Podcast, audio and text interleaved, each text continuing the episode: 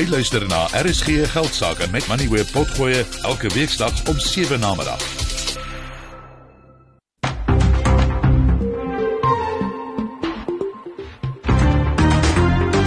Jy luister na RSG Geldsaake, jou betroubare bron vir sake en beleggingsinsigte. Goeienaand en welkom. Ek is Tinus die Jager. In vanaand se program ons beurs hier in Johannesburg is hoor vandag Maar die rand hou daarom koers teen die dollar. Ons kenner wat bietjie agtergrond aan die markbewegings vanaand gee as Mia Kriegler. Mia is 'n direkteur van Creer Internasionaal. Dan skaat staatsskuld kan binne die volgende 2 jaar aan die 80% van die bruto binnelandse produk raak. Ek het vroeër gepraat met Johan Els, hoofekonoom van Old Mutual, oor die tamaletjie. Hy sê die antwoord is beter groei. Die finansiële intelligensiesentrum FIC sê hulle sukkel om inligting uit regsfirmas en eiendomsagente te kry. Dit is nodig om Suid-Afrika van die grys lys af te haal en die afsnypunt van vir van vir van hierdie inligting kom al hoe nader. Christopher Malan van die FIC gesels hieroor. En dan praat Kokkie Koeman oor die ontstaan van die nuwe Posbank. Die wysigingswet is volgende week in plek. Ek druk ook koffie met een van ons gereelde gaste, Elise Kreer. Elise is 'n onafhanklike ekonom en sy vertel ons van die pad wat sy so ver geloop het. Maar voor ons daarby kom, hier is Henko Kreer met die markaanwysers. Hallo Tinus en Mia en goeienaand aan elke luisteraar. As ons eers kyk wat tans in Amerika afspeel, sien ons dat die Dow Jones en die S&P 500 tans 0,5% hoër verhandel maar dat die Nasdaq nou 0,2% laer verhandel. Europese beurse het in die groen gesluit met die FTSE 100 en die Duitse DAX 0,6% stewiger en die CAC 40 in Frankryk vandag 1% hoër. Die JSE se indeks van alle aandele het vandag 0,3% hoër gesluit op 73218 punte. Die Hulbron indeks heelwat stewiger vandag 2,3% hoër gesluit, maar die nywerheidsindeks het 0,1% teruggesak en die finansiële indeks 0,5% laer gesluit. Anglo het vandag 2% stewiger gesluit, Richmond het 1.5% gewen en Standard Bank, AB InBev en British American Tobacco elkeen 0,5% hoër. Maar Glencore het 0,5% teruggesak, BHP het 1.5% verloor en First Rand het 2% laer gesluit. Ander maatskappye wat laer gesluit het vandag was Southern 2 asook Ital Tile, hulle het elkeen 4.5% teruggesak Afrimat, Bytes en WBHO het elkeen 3% verloor en Tsogosan, Old Mutual en Troos elkeen 2.5% swakker. Maar dan nou weer aan die positiewe kant, die mynbou-aandele was onder ewige druk die afgelope paar dae, maar kom vandag terug in al hulle goue glorie en ons sien dat die dat Sibanye Stillwater en Implats het vandag elkeen amper 6% stewiger gesluit. Goldfields en Anglo Gold het elkeen 4.5% gewen Amplats en Northern elkeen 3% stewiger en DRD Gold en Harmony sluit elkeen 2.5% hoër. Dan op die kommoditeitsmark is die goudprys nou 2005 dollar per fyn ons. Silwer staan nou op 23 dollar, platinum verhandel teen 899 dollar en palladium teen 960 dollar per fyn ons. Brent olie verhandel nou teen 82 dollar en 50 sent per vat.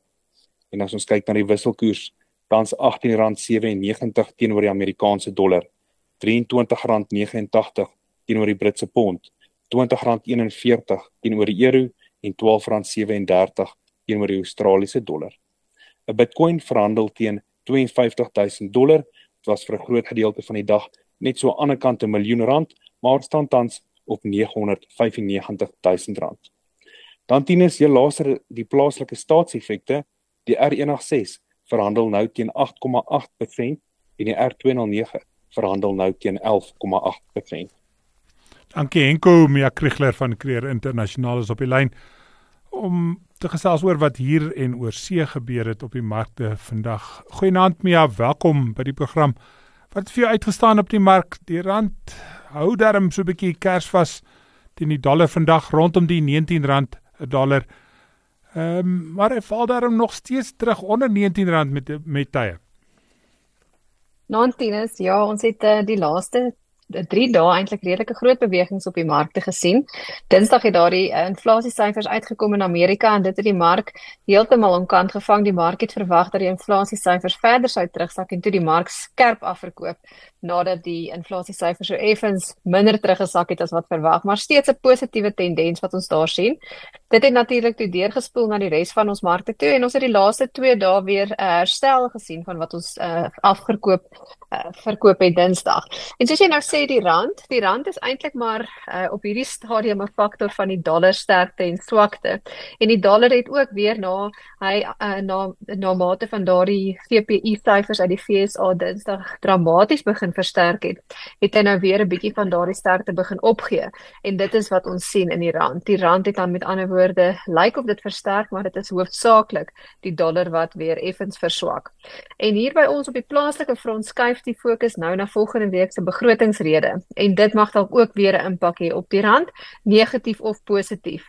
Uh op hierdie stadium kan 'n mens nog nie duidelik sê of al die slegte uh, nuus alreeds in die rand ingeprys is en of die rand nog verder sal verswak nadat daardie begrotingsrede bekend gemaak is nie. Vandag was daar aankondigings van Blue Label Telecoms en ook van Renergen Ja, ons het vandag van Renergen gehoor dat hulle nou uh binnekort, hopelik binne die volgende week of wat, na die Chinese uh, nuwe jaar afgehandel is, daardie vervangingseenhede gaan kry wat hulle helium produksie weer aanlyn gaan bring. Daardie produksie van helium by Renergen is dan nou al verby kan 7 maande gestaak as gevolg van uh, foute en probleme wat hulle ondervind het in hulle produksielyn. So dit is 'n redelike belangrike uh, punt vir hulle. Hulle aandeleprys het ook positief daarop reageer met bykans 5% sprong wat ons gesien het hier um, na die middel van die oggend toe. En ja, dan het ons van Blue Label gehoor dat dit maar 'n uh, moeilike omgewing is as jy nie een van die groot spelers in die in die telekommunikasiespasie in Suid-Afrika is nie. Blue Label wat nie net sukkel met hulle met hulle markandeel wat dan natuurlik hulle winste beïnvloed nie, maar ook met 'n baie groot hoeveelheid skuld op die maatskappy se boeke. En dit is alles 'n uh, redelike swaar las op hulle op hulle verdienste en as ons kyk en ons nou dieper indelf in die wesensverdienste syfers, dan kan ons sien dat 'n groot gedeelte daarvan ook as gevolg van die skuld is wat hulle dra. En dit gaan maar swaar met hierdie maatskappy. Maar die mark het positief reageer en dit lyk ons asof die mark eintlik nog slegter verwag het met so 'n aankondiging as wat toe wel die geval was. As ons 'n bietjie verder terugkyk na gisteraand het Heineken die waarde van sy besigheid hier in Suid-Afrika met 10 miljard rand gesny. Dit na bierverbruik in Afrika met meer as 6% gesak het verlede jaar. Ja, ons het 'n uh, eh, Heineken het in in Suid-Afrika hier van 2021 2020 af het hulle redelike groot uh uh oornames gedoen. Hulle het natuurlik te stel en baie van ons grootste ehm um, uh, uh uh handelsmerke soos uh, soos onder andere Klipdrif en Savanna en so so meer oorgeneem. Hulle is natuurlik wêreldwyd die tweede grootste produsent van van bier en sulke produkte naas AB InBev wat natuurlik SAB in Suid-Afrika besit. En dit was baie duidelik uit Heineken se handelsopdatering of of eerder se resultate syfers dat Suid-Afrika 'n moeilike omgewing is om in besigheid te doen. Nie net ons redelike pap-ekonomie met met minder vrae as wat hulle verwag het nie, maar dit is ook 'n kompeterende mark en dit kos vir hulle nou duurder om te adverteer en om hulle handelsmerke aan die voorvoet te hou. Gelukkig het Savanna 'n baie sterk uh sterk uh 'n uh, jaar gehad en hulle het redelike goeie vordering in daardie mark gehad en 'n markandeel gewen. Dit was een van die ligpunte, maar wêreldwyd sien ons dat daar 'n koste druk was op bierprodusente en dat almal hulle pryse moes um, moes lig om van die vir die hoër insetkoste en produksiekoste uh, teen te werk en die handelsomgewing in Suid-Afrika dan vir Heineken baie moeiliker as wat hulle aanvanklik verwag het. Net so brokkie nuus, hulle het of brokkie inligting altans hulle het gestel in 2021 vir so net oor die 40 miljard gekoop en soos julle nou gehoor het, het hulle nou gister met hulle resultate aangekondig dat hulle Suid-Afrikaanse besigheid met 'n 10 miljard uh, rand afskryf. So hulle maak 'n markaanpassing aan die waarde van die besigheid. Dit is dis minder werd as wat hulle aanvanklik daarvoor betaal het. As ons kyk na nog 'n groot maatskappy met belange hier in Suid-Afrika, Body Shop sê hulle gaan winkels toemaak en 'n klomp werknemers afdank. Die Body Shop hier in Suid-Afrika word deur Clicks bestuur en, en Clicks het vandag gereageer en gesê dis maar hulle gaan aan soos gewoonlik en werksgeleenthede hier in Suid-Afrika is nie onder druk al gaan dit sleg met die body shop in die Verenigde Koninkryk en Europa nie. Bietjie goeie. Dis reg van ja? van Ja, so as ons kyk na Klik se groter besigheid is die Body Shop maar 'n klein gedeelte van Klik se bedrywighede en Klik is 'n uitstekende bestuurdermaatskappy, definitief een van die uitblinkers op die JSE uh, wat bestuur en doeltreffende uh, soort van uitvoering van van besigheid betref. Hulle het dan ook baie goed gevaar deur die jare vir aandeelhouers wat wat in in Klik belê het. Maar soos ek sê, Body Shop 'n kleiner gedeelte van hulle besigheid. Dit is weer eens 'n mark wat uh, wat pyn voel wanneer die ekonomie onder druk is en plaaslik sowel as in die VK is mense meer prysensitief na mate die inflasie druk wat die laaste 3 jaar in die mark was oral deur die wêreld en dit bly maar 'n gedeelte van die mark wat gaan swaar trek as mense prysensitief raak en nie meer al die luksere koop wat hulle voorheen gekoop het nie. Maar soos ons noem, dis 'n baie kleiner gedeelte in Clicks se groter uh, prentjie van besigheid en dit is nie so groot kommer op hierdie stadium vir hulle nie. Res van die wêreld, ja, meeste van die internasionale markte is in die groen. Ek sien die Nasdaq sak op die stadium so 0,4% terug, maar hy is die enigste een en Bitcoin en Ethereum is nog steeds aan die styg. Ja, so wêreldmarkte, ons het uh, een een van die van die groot drywers op die Suid-Afrikaanse mark, soos ons weet, is eintlik maar die oosterse markte en China.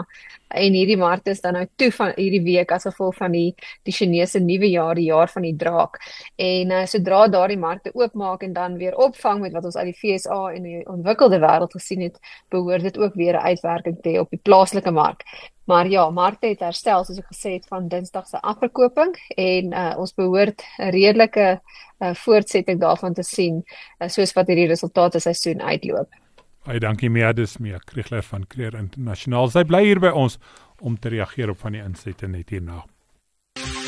Vir die belangrikste sake nuus skakel in op RSG geldsaake.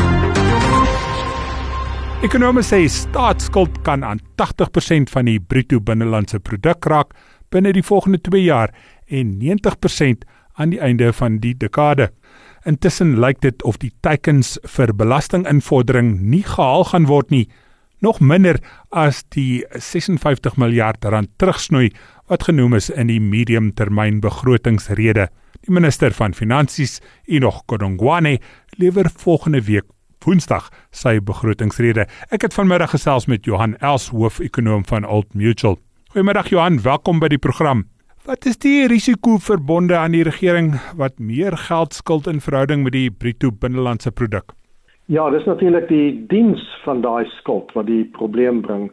Met ander woorde die rentebetalings op die skuld. So hoe hoër die skuld is, hoe meer is die rentebetalings. En op die oomblik sit ons met 'n geweldige hoë staatsskuld vlak heel wat meer as so 12 jaar gelede. En dit beteken dat die rentebetalings op die skuld het natuurlik dramaties gegroei. As ons kyk na waar ons op die oomblik sit, dan vir elke 1 rand wat deur belastinginkomste inkom, betaal ons meer as 19 sent net aan die rente op die skuld.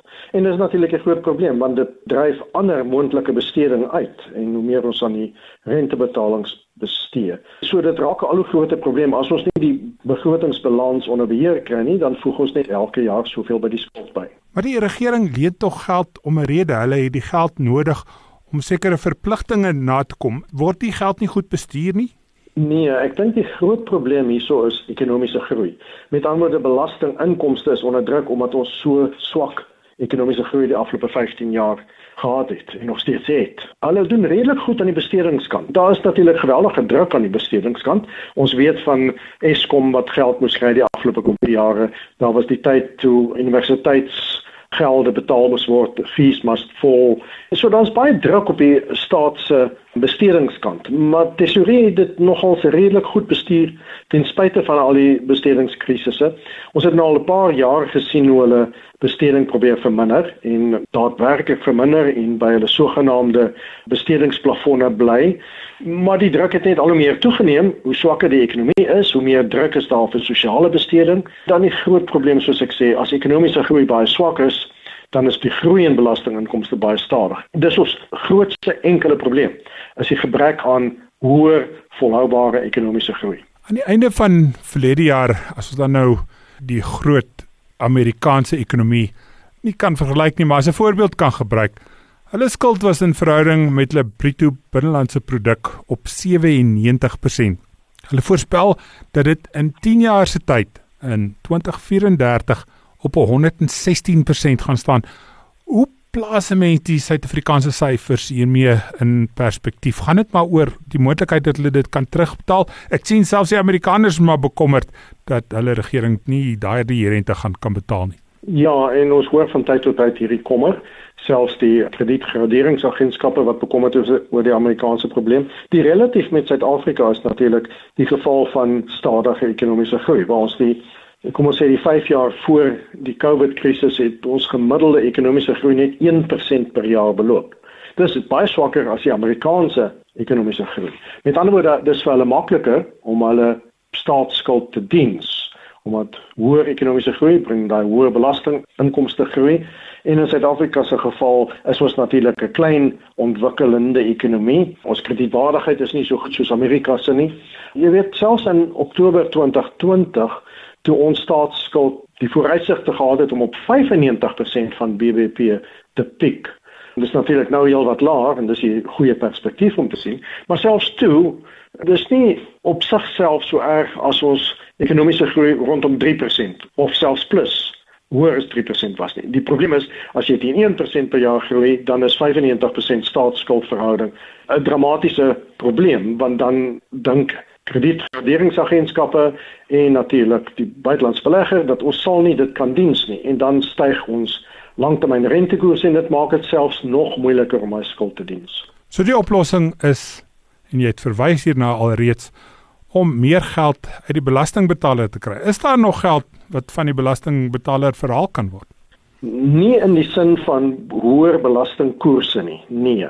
Ons het nie ruimte om in die huidige ekonomie met die verbruiker waar hy sit, inkomstebelastingkoerse te verhoog nie, BTW te verhoog nie.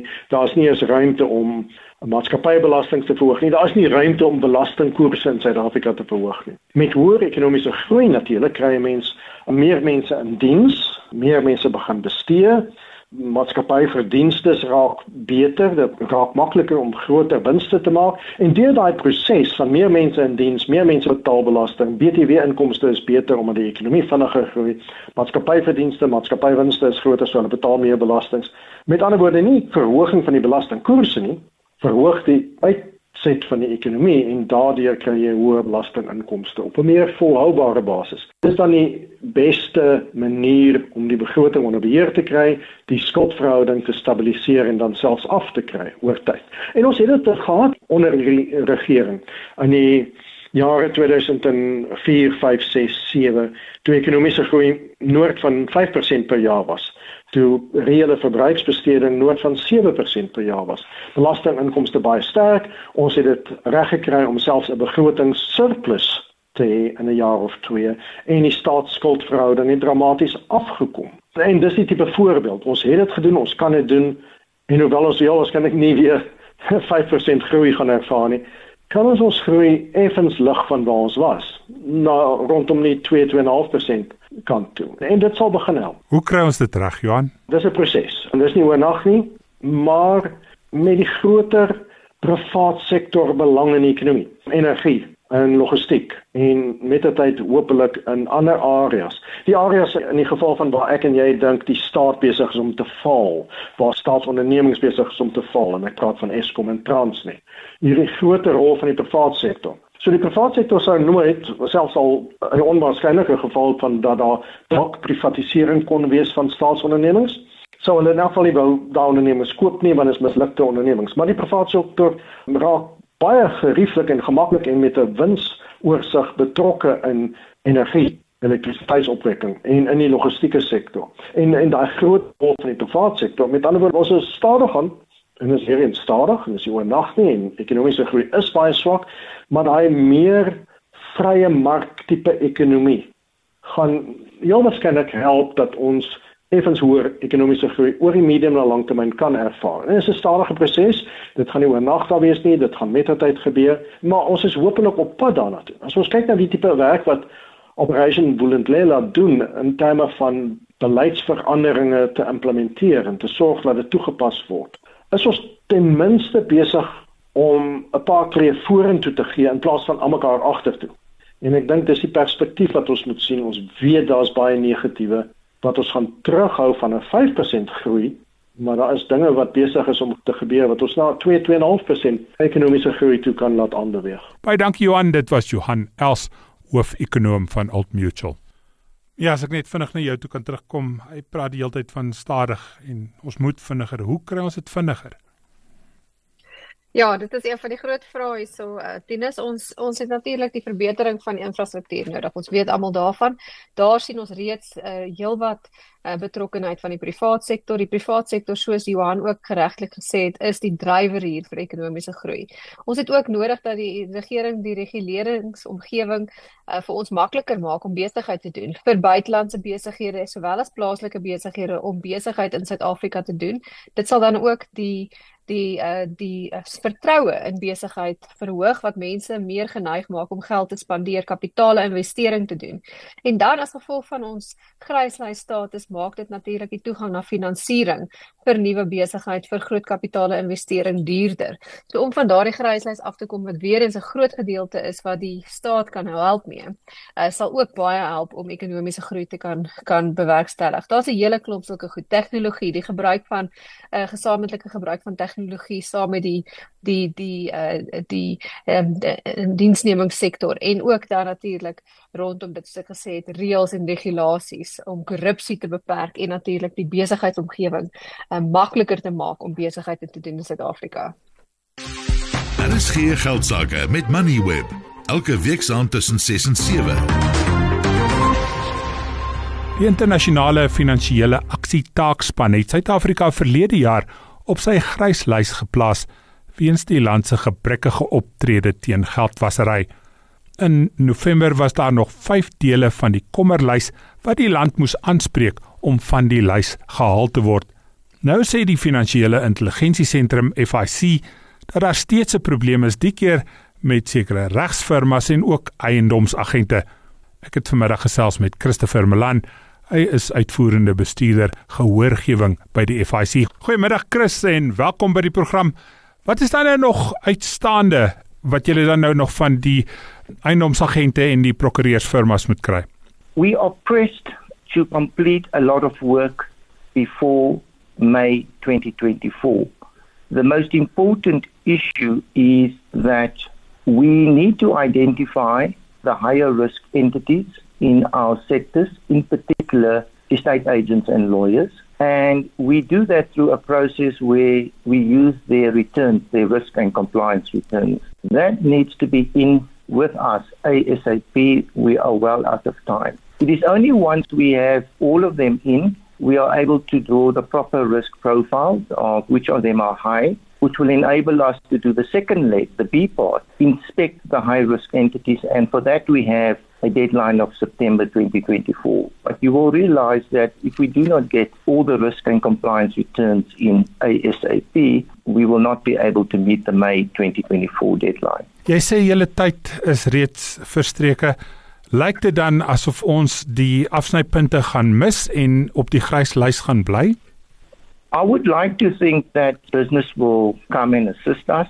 If we do miss the target, we will still argue as best as we can that we are able to understand which are the high risk entities. And should they still say, but it's not adequate, and, and that's the issue, we would then have one more opportunity, we would think. It's not ideal because it creates a lot of perception that business is not serious and we are not able to identify based on their information. We would have then at the next filing But that is not ideal, and we've been advised by our international advisors that we should not be moving in that direction. So there are reputational consequences for the country if we don't meet the target. So waarom is dit spesifiek hierdie twee sektore wat sukkel? Julle het van tevore al verwys dat dit 'n wesenlike probleem is die regsfirmas en die eiendomsagente. Waarom sukkel hulle dan om die inligting by julle te kry? Well, they are large sectors, and I think that's first and foremost the issue. As for the information, they all have the information, they are required to have the information uh, because they need it for their risk and compliance program. We are hoping that it is not an issue that these sectors and businesses have no concern about meeting their compliance obligations. But there comes a point in time where the indications are that, notwithstanding all our efforts, there appears to be a reluctance because that's the only explanation we can attend to this. That, that for some reason these, these sectors have not yet rallied behind the grey listing story to help the country get off the grey list by performing a very simple process of completing a risk and compliance return and sending it to the FIC. So wat skuil agter hierdie huiwering? Is hulle besig om geld te was? Want as hulle besig is om geld te was, gaan hulle tog nie die inligting aan julle gee nie. Well, I don't think uh, we can make those conclusions. I think it's an issue of education and willingness to participate. So definitely we cannot at this stage say it's because um, of Galbastere and things like that. Definitely not. However, it does point to a concern about whether they fully understand that this is so important for their own business reputations because the international environment, the international counterparties, their law firm peers abroad will look at South African law firms and estate agents and you know their perceptions can be tarnished by what they perceive to be non-cooperation. Kan julle hulle dwing om saam te werk? We have. We have done it in a very open way to say we will be and we've given notice. We will be issuing notices of intention to sanction. The purpose of the notice is to clearly direct them that they have 10 days to file these outstanding reports. But over and above that, we are appealing to them not to wait to receive a notice of intention to sanction. And coupled with that notice of intention to sanction is a fine, a financial penalty, which we will apply on a case by case basis. And we're looking at roughly around about a 50,000 rand penalty for being non compliant in this area. So we understand that there might be challenges with the practitioners understanding how to complete the process, the form, the risk and compliance return. We will be holding a webinar on the 19th, that's next week at 10 o'clock. It will be on our website. You can sign up. And if the interest is great enough, we do not mind repeating that and repeating it so that, you know, we have done our utmost to assist these two industries in particular because they are deemed to be high risk. And that is why we are giving them particular attention because the fact is telling us, please pay attention to your estate agents and your lawyers. But we will assist them, but they should also work with us to assist us. Baie dankie Christopher, dit was Christopher Milan. Hy is uitvoerende bestuurder gehoorgewing by die Finansiële Intelligensie Sentrum of FIC. Daar is geen geldsaake met Moneyweb, jou betroubare bron vir sake en beleggingsinsigte. Die wysigingswet op die Posbank tree volgende week in werking wet laat toe dat 'n bankbeheermaatskappy gestig word en staatsbeheerde bankbedrywighede hier kan posvat. Die naam blyk steeds Posbank te wees, maar die entiteit entiteit gaan nie deel wees van die poskantoor nie. Ons gesels nou met Kokkie Koeman van Denker Capital. Goeienaand Kokkie, welkom by die program. Hoekom is dit nodig om die Posbank te verander? Ja, nee, uh, baie dankie Tinus en uh, interessante vraag ja. Uh wel die antwoord is redelik eenvoudig in dat uh die huidige struktuur uh laat dus nie uh die Reservebank toe binne die bankwet om 'n lisensie toe te uh, te gee aan hierdie posbank nie. Uh want hy is binne uh, die poskantoor en die poskantoor is 'n houer maatskappy en uh dus die struktuur moet verander word en hy moet skoon gemaak word en op sy eie voete staan. So watter nuwe dienste gaan die Posbank dan nou lewer? Maar die die die ou Posbank was eintlik maar net 'n soos ons gesê 'n spaarbank. Uiteindelik maar net die deposito's gevat. Uh jy weet die ou spaarboekie wat jy nou al die jare terugdink en daai daai deposito's gevat. Ehm um, en die idee van die nuwe bank is dat hy ook uh geld kan uitleen en ook transaksionele dienste kan kan kan lewer. Kokkie, ek en jy gesels basies elke jaar in Desember oor hoe goed die Suid-Afrikaanse banke is en hoe belangrik dit is om te belê daarin. Kan die Posbank meeding met ons handelsbanke wat in privaat besit is? glad nie om dit baie eenvoudig te stel. Uh, kyk, uh die die idee verder van die nuwe bank is om om uh die sogenaamde agtergeblewenes of die mense wat nie bankdienste kan bekostig of ontvang nie om hulle te help. Baie baie mooi gedagte. En dan ook kleiner maatskappye sogenaamde SMMEs small medium uh, enterprises. Nou inderdaad die die die simme die mense wat nie op die oomblik bankdienste kan kry by 'n bank nie kan baie keer opwees dat hulle nie dat hulle werkloos is en dat hulle dus nie inkomste het nie of dat hulle net 'n 'n SASSA grant kry of 'n kleiner maatskappye wat dus ook nie weet kan kan 'n uh, krediet kry nie. Uh, en baie keer is dit kan dit ook wees dat sê maar uh, jy in van Wyksdorp woon en daar is nie meer banke nie. Ehm uh, maar weer eens alles is deesdae aanlyn beskikbaar en veral jy weet hierdie nuwe bank gaan kompeteer met Capitec, met Absa, met net om 'n paar grootes te noem, dan met die nuwe Time Bank wat tegnologies baie gevorderd is in alles wat hulle doen uh, met Bank Zero, jy weet wat ook uh, aan aan die kleiner uh, SMME spasie ongelooflike vordering gemaak het met hulle nuwe tegnologie wat hulle toelaat uh, jy weet vir vir sakemanne om makliker uh, bankdienste te kan kan bedryf. So jy weet vir hierdie nuwe Posbank gaan moet baie goeie stelsels hê, baie goeie mense kry uh en 'n baie goeie onderskrywingsleningsbeleid hê wat ehm um, weet jy moet geld leen is altyd maklik om die geld terug te kry en terloops Capitec uh, ek dink wys op die oomblik meer as 70% van alle lenings aansoeke af. Dit is die swak gehalte kredietkwaliteit daar buite.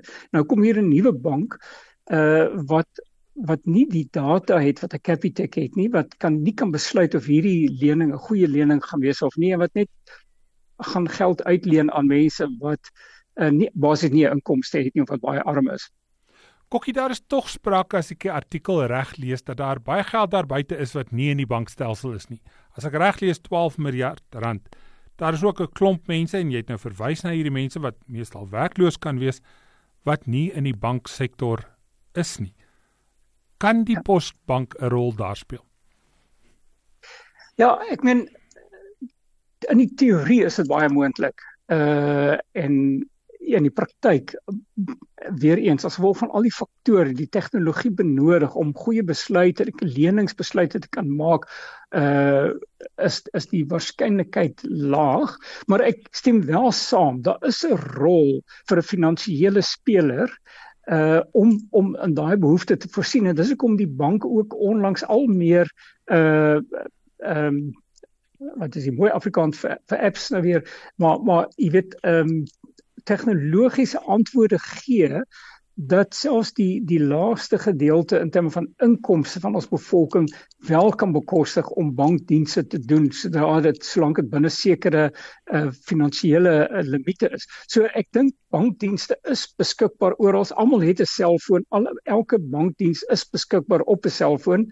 Ehm um, ja, die die tweede vraag is natuurlik ook ehm um, die men, die geld wat buite die bank is uh sektor sirkuleer.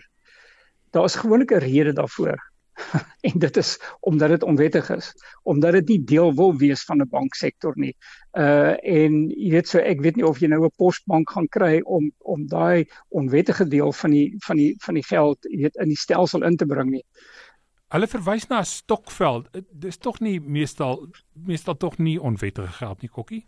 Nee, nee, ja, ek ek het nou sommer net om dit eenvoudig te hou, maar jy is reg. Daar is sê maar so stokvel, maar selfs die stokvel sal 'n bankrekening hê om die geld te deponeer. Hulle dan af hoe hulle dit doen, maar nog steeds die transaksies, maar dit is reg, maar maar as 'n stokvel byvoorbeeld nou wel dan uh jy weet eintlik die geld goed geakkrediteer wil hê of ten minste vir hulle lede 'n transaksierekord van al die betalings en deposito's wil wys, uh jy dan kan hulle dit doen deur 'n deur 'n deur 'n bank in die in die bank se transaksie uh fasiliteite gebruik. Uh jy hoef nie 'n nuwe bank op te sit om dit te doen nie. En terloops, as dit werklik 'n probleem is, dan kan die staat eerder my opinie net een van die banke of dit uitsit vir tender en sê vir die banke hier hier is 'n ons dink hier is 'n geleentheid wat ons graag wil fasiliteer, uh, doen aansoek en ons sal dit subsidieer. Baie soortgelyk in die vorige onderhoud wat ons gedoen het oor die privaat uh, bedryf wat net dit soveel beter doen, lyk dit as die staat wat dit doen. Wat gebeur nou volgende kokkie? Die wysigingswet is nou in plek volgende week. Wat gebeur dan voordat die Posbank nou die dienste kan begin lewer? Ja, so die die die wetlike aspekte is nagekom en dat die die struktuur is daar. Uh, die volgende aspek nou is hy moet 'n banklisensie kry en dit moet die Reservebank goedkeur. Uh, en die Reservebank het natuurlik nou geskiedenis van FSB en Habib Bank en ander soortgelyke gevalle. Uh so om 'n banklisensie te kry, moet die nuwe bank en enige bank moet 'n besigheidsplan voorlê. Om 'n besigheidsplan voor te lê, het jy natuurlik ook al uh mense wat jy in diens moet neem, kundige mense wat hierdie besigheidsplan kan kan voorberei uh, en wat dit gaan dryf. So eerstens moet daar mense aangestel word wat hierdie besigheidsplan gaan opstel, wat dit dan gaan voorlê aan die Reservebank en dan gaan die Reservebank besluit of hierdie bank uh, besigheidsplan wel sin uitmaak en of hy wel winsgewend sal kan wees en dan die laaste ding gaan hy ook bepaal dat om die bank te begin moet hy gekapitaliseer word. Nou die die die staat moes reeds ek dink 3.5 miljard afskryf uh van poskantoor se lenings en aan binne die poskantoor waarvan die posbank deel was. Nou moet 'n sekere nuwe 1 of 2 miljard weer beskikbaar stel vir 'n nuwe bank om te begin. So daar's nog baie water wat onder die brug moet moet vloei. Uh, hulle praat van in in van die aankondigings hulle wil dit voor ek dink Februarie 25 regkry. Ek sal verbaas wees as hulle dit regkry.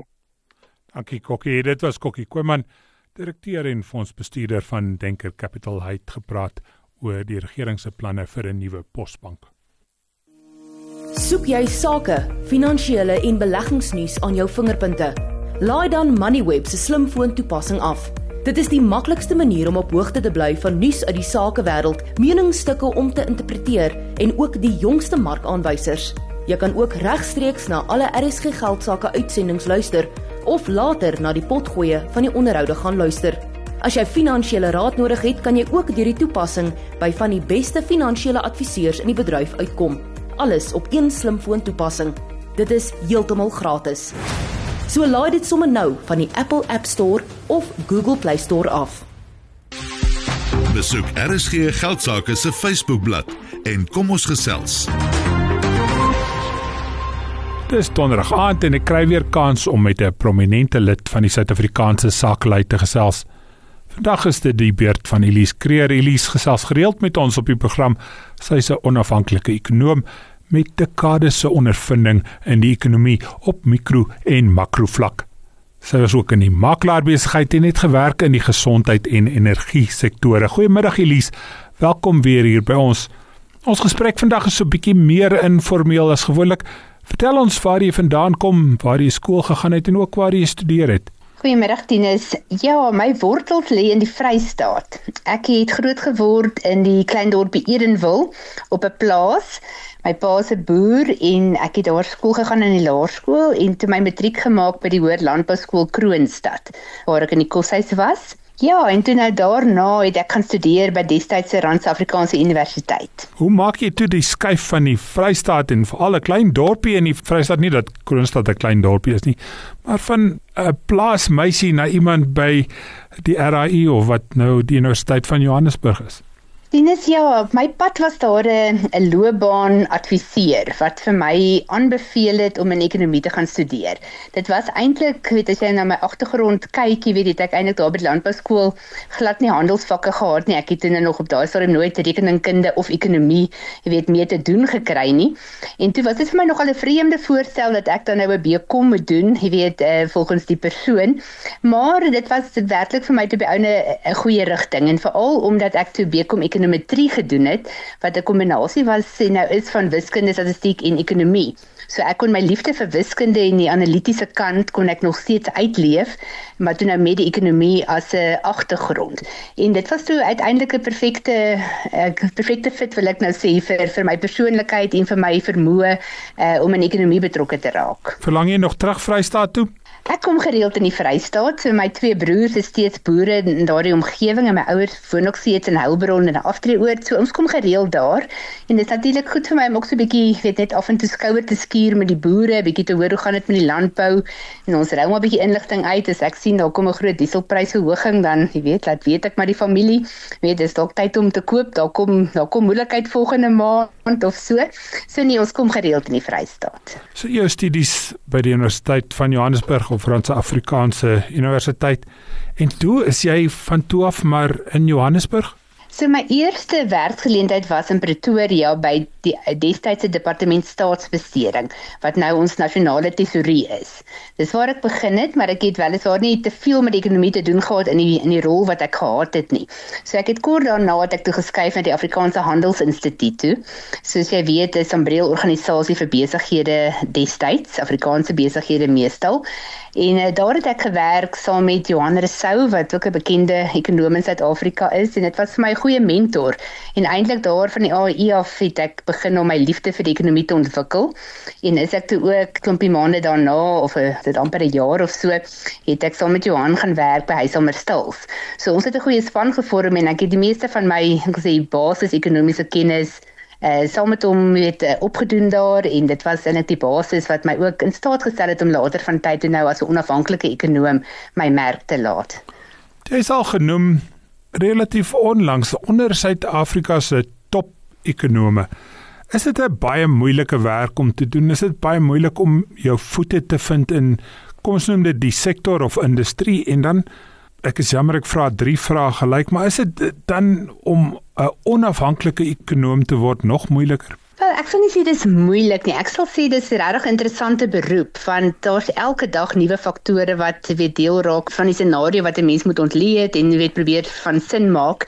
So ek sal dit nie regtig moeilik noem nie om onafhanklik te wees het sy uitdagings want jy weet mense het nou tipies nie iemand wat nou dadelik jy weet jou idee kan aanhoor of jy het nie iemand met wie jy of 'n klankbord jy weet van dag tot dag ehm um, jy weet al jou idees jy weet kan deel en so aan nie maar daar is maniere rondom dit. Uh, my man is baie geïnteresseerd in ekonomie ook alhoewel hy 'n uh, geoordeelde rekenmeester is en ek ek skroom ook nie om my telefoon op te tel en 'n oud kollega te bel of om met iemand my my gedagtes weet te toets te, rondom die ekonomie nie. Maar ek sal daarom nie sê dit is 'n moeilike beroep nie. Ek dink net die hoeveelheid inligting wat deesdae beskikbaar is, maak dit 'n uitdaging om oral, so ek kan sê, genoegsaam kennis te neem van alle verwikkelinge en dit dan te integreer in hoe dit nou byvoorbeeld Suid-Afrika se ekonomie beïnvloed. Uh dit dit is inderdaad 'n uitdaging. Hier by my in Auckland Park is die studente besig om in hulle honderdtalle op te daag. Is ekonomie nog steeds iets wat jy sou aanbeveel vir 'n Suid-Afrikaanse student? Inderwaarheid, ek dink ek moet graag studente aan om in ekonomie te studeer. Uh, ek dink daar's definitief ruimte as jy daaraan dink dat elke industrie het 'n uh, ekonom nodig. Elke weet elke sektor ook in die kleinste selfs maatskappye het hulle eie ekonome. So behalwe vir die makrofunksie is daar ook baie uh, geleentheid op sektorale vlak vir uh, ekonome om hulle weet om hulle hulle dienste aan te bied. So ja, ek vat graag uh, studente soms saam Reservebank toe met om 'n bietjie blootstelling te gee aan aan dit wat die ekonome, sal ek maar sê, latiek. Ek sê altyd vir vir sulke studente na die tyd as dit wat jy nou vanaand gehoor het, jou opgewonde maak, dan kan jy gerus in ekonomie gaan studeer. Want uh, as jy klomp ekonome so saamkom, jy weet, dan praat ons baie keer oor die nitty-gritty van inflasie en jy weet so aan en as dit vir jou verveel, dan uh, is dit 'n teken dat jy dalk 'n ander beroep moet vind, maar as dit jou opgewonde maak as jy as jy weet hoekom met inflasie met 0.1 persentasiepunt hoër of laer gekom is wat jy dink, dan is ekonomie vir jou. Daar word van julle verwag om voorspellings te maak. Baie keer op ons program moet julle net verduidelik wat gebeur het en dis seker bietjie makliker. Is dit so bietjie moeiliker om die voorspellings te maak? Maak 'n mens maar foute as jy dit doen? Ja, inderdaad, jy weet want vir elke voor, vooruitskatting oor wat ook al ekonomiese veranderlike is daar natuurlik aannames. En weet jy skryf dit maar baie keer verkeerd. Jy weet uh, ek dink die rand is seker die een veranderlike wat mense die meeste kere uh, verkeerde aannames oormaak. Maar ehm um, ja, so uiteraard, ek dink die die die uitdaging van ekonome is om daai vir vooruitskattingsfout so klein as moontlik te hê. Uh, maar dit is, is maar baie moeilik om altyd akkuraat te wees met alles. Hoe belangrik is geluk? Daar's daarom seker maar min mense wat COVID kon voorspel het. Uiteraard weet eh dit is hulle nou noem 'n black swan event, weet dit's net uiteraard onmoontlik om so iets te sien kom. So en dan ook het ek daai tyd gedink, weet selfs die mees ervare ekonome het nog nie so iets beleef soos die die COVID weet pandemie en die lockdown wat gevolg het nie. So dan is die die jong jonger ekonome en die oueres, jy weet op dieselfde bladsy want dit is die eerste keer wat so iets, jy weet eh, in 'n land of in 'n wêreld gebeur het. Elise, wat wil jy nog bereik? Kom ons kyk eers na jou werk as ekonom. Wat is die doelwitte wat jy nog het in jou beroep? Dit ek sal sê op 'n voortdurende basis, weet wil ek graag relevant bly vir my kliënte en wil ek altyd weet dat die navorsing wat ek doen vir hulle waarde toevoeg in hulle industrie en in hulle besighede. So dit is my, like maar sê voortdurende doelwit. As ons buite dit kyk in jou lewe, wat staan nog vir jou uit? Wat moet jy nog gaan doen? O, jene, kom ek sê so my my lewensmotto is carpe diem. Jy weet, gryp die dag, maak die beste gebruik. So vir my is dit regtig op 'n voortdurende basis om elke dag voluit te lewe en om balans te hê. So balans is natuurlik 'n 'n moeilike ding in in 'n besige fase van 'n mens se lewe om balans te hê tussen werk en kinders en jy weet familie en vakansie en so aan. Bly 'n konstante uitdaging. Maar uh, ja, so ek sal sê balans en om elke dag voluit te lewe. Elise, jy sê jou man is ook in die syfers betrokke as 'n geoktroeëerde rekenmeester. Wat doen julle buite die ekonomiese wêreld? Hoe hou julle julleself besig as julle nou nie na syfers of wiskunde kyk nie? Ons is baie lief vir die vir die natuur, so ons kamp graag, ons ry graag fiets. Ek speel graag muurbal. Ons reis graag as 'n geleentheid om self voordoen. So ja, ons probeer om 'n uh, om maksimaal, jy weet, die lewe te geniet met alles wat wat vir ons wat met op ons pad kom. As ons miskien met 'n voorspelling kan afsluit. Ons is in soveel onsekerheid nou met oorloë reg oor die wêreld. Ons het 49 verkiesings vir jaar as ek reg gelees het. Beweeg Suid-Afrika in die wêreld in 'n positiewe rigting ekonomies veral? As ek miskien kan begin by Suid-Afrika, Tinus, dit voel maar van dag tot dag vir 'n mens of jy in chaos lewe maar ek dink tog in die afgelope 18 maande, 2 jaar het ons begin sien dat die regering meer geleentheid skep vir ons privaat sektor om betrokke te raak om probleme in Suid-Afrika op te los en dit gee my hoop. So van daardie oogpunt af, weet dink ek tog ons beweeg in in 'n rigting waar daar 'n verandering en 'n 'n beter toekoms vir ons kan voorlê as ons die huidige probleme met die hulp van die privaat sektor aanpak. Wat betref die wêreld, vir dit vir my die gas skuif net so van een area in die wêreld na 'n volgende. So dit is asof mense die volatiliteit en die uh ek moet sê die die hoeveelheid uitdagings wat wat globaal ook impakteer op Suid-Afrika word net vir my al hoe meer. So daarmee moet 'n mens maar leer saamleef en probeer om tussen die chaos en in in die volatiliteit nog steeds weet tendense raak te kan sien en te weet om te kyk wat die beste moontlike uitkomste in Suid-Afrika kan wees gegee wat wat maar toenemend 'n baie komplekse globale omgewing raak. Maar nog steeds positief van jou kant af? Ja, inderdaad. Jy weet eh, ek dink as eh, mense nou nie positief was nie, dan dan was jy dalk nie meer hier nie. Mense kyk maar so 'n bietjie na die glas half vol eerder as half leeg.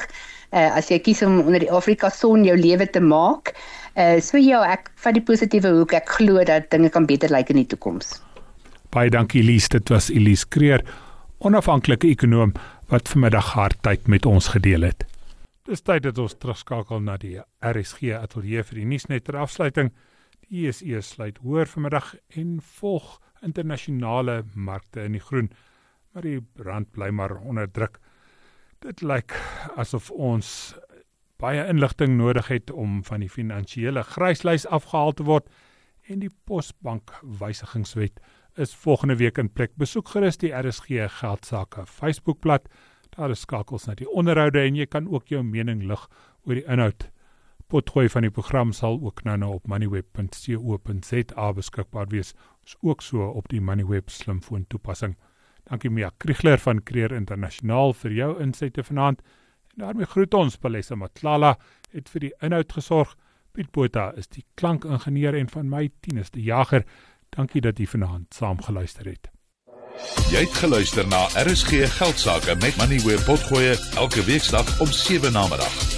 Vir meer Moneyweb potgoe, besoek moneyweb.co.za of laai die toepassing af en volg Moneyweb News om dagliks op hoogte te bly.